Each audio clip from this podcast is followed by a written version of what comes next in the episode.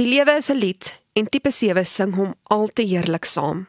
In die 8ste episode van Marula Media se potsending reeks oor die Enneagram, gesels ons met Louis Venter, terapeut, stigter van Couples Help en Enneagramkenner oor tipe 7, oftewel die entoesias op die Enneagram. Louis, waarop fokus die tipe 7 op die Enneagram? Hoe lyk hulle karaktereienskappe en waarom staan hulle as die entoesiaste of die genotsoekers bekend? Mison, welkom in die wêreld van entoesiaste. Die persoonlikheid 7, ek noem hulle persoonlik die genotsoekers. Die interessante ding van die 7's is wat ons van hulle weet as kinders is dat kyk alle kinders beleef 'n stuk pyn en ontwaking in hierdie wêreld dat die lewe is goed en dan is die lewe nie goed nie.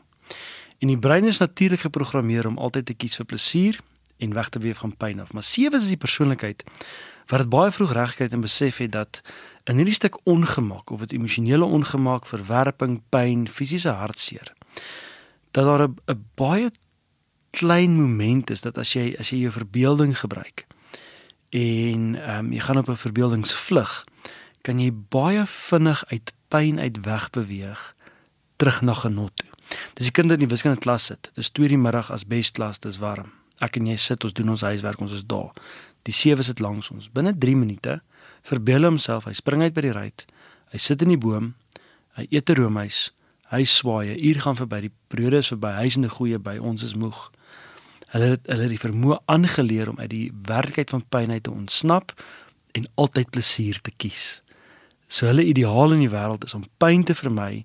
Ehm um, wat hulle sien is dat ek vry is. Ek is vry as ek nie pyn hoef te beleef en vasgevang is in die realiteit waar pyn is nie. En ek kan met my denke en my kreatiwiteit ehm, 'n um, wêreld skep waar ek altyd in die opwaartse beweging van pret en moontlikheid is. Watter boodskap het die sewe nooit as kind of vroeër in hulle lewe gehoor nie? Wat hulle nie gehoor het nie is ehm um, jy gaan nie alleen wees in jou pyn nie.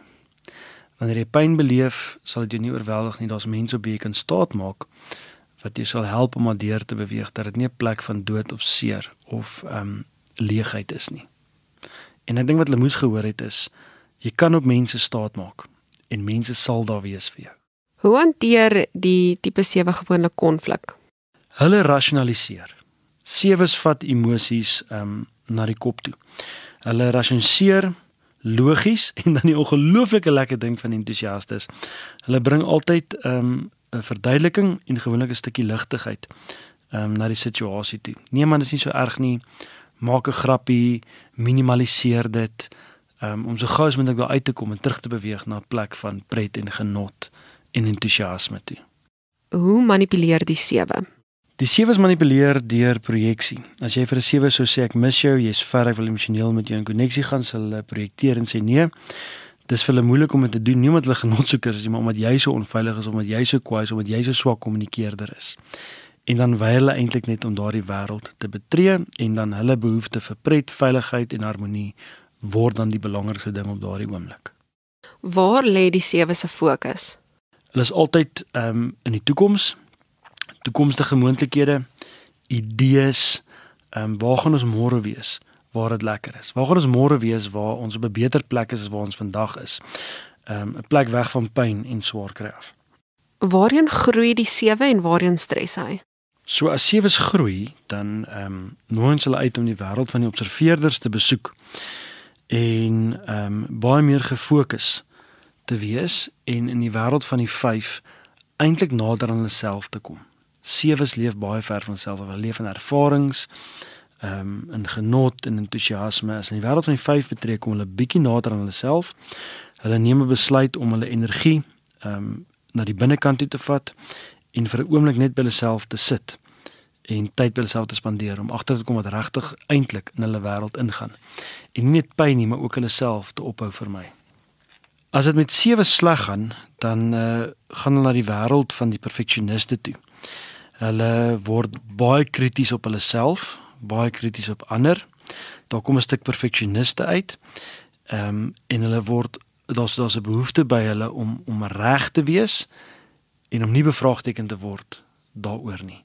Hulle word nog strenger oor hulle toekomsvisie en hulle planne vir hulle eie persoonlike agenda van genot of toekoms of wat dit ook al mag wees. Wat is 'n tipe 7 se tipiese blinde kolle en dan ook hulle sterkpunte? Dat hulle pyn en swaar kry vir my. Dat hulle in 'n stuk oppervlakkigheid leef. Dat dit vir mense moeilik is om naby hulle te kom, dat dit eintlik vir mense moeilik is om hulle te leer ken. Dat dit vir mense moeilik is om 'n emosionele koneksie met hulle te bou. Dat meeste mense in sewe se lewe is baie lief is vir hulle, want ons is lief vir hulle. Dis lekker saam met hulle. Ehm um, as ons in die opwaartse beweging van van pret is, ehm um, maak hulle ons goed voel, hulle help ons om die toekoms te sien. Maar soms is hulle baie ver en wanneer ons hulle nodig het, nie net in die hoogtepunte van ons lewe nie, maar in die laagtepunte, voel dit vir ons of hulle nie omgee nie. En ek dink sewes sien dit nie altyd nie. En dan ook hulle sterkpunte? Die positiewe deel van sewes is hulle is optimisties, hulle ehm um, maak alles beter, hulle is avontuurlustig, hulle vat ons plekke, hulle lig ons op. Ehm um, hulle help ons om die die silwerrandjie in die donker wolk te sien. Skakel volgende week in vir die volgende aflewering van Marula Media se potsending reeks oor die Enneagram, wanneer ons oor tipe 8, oftewel die uitdager, gesels.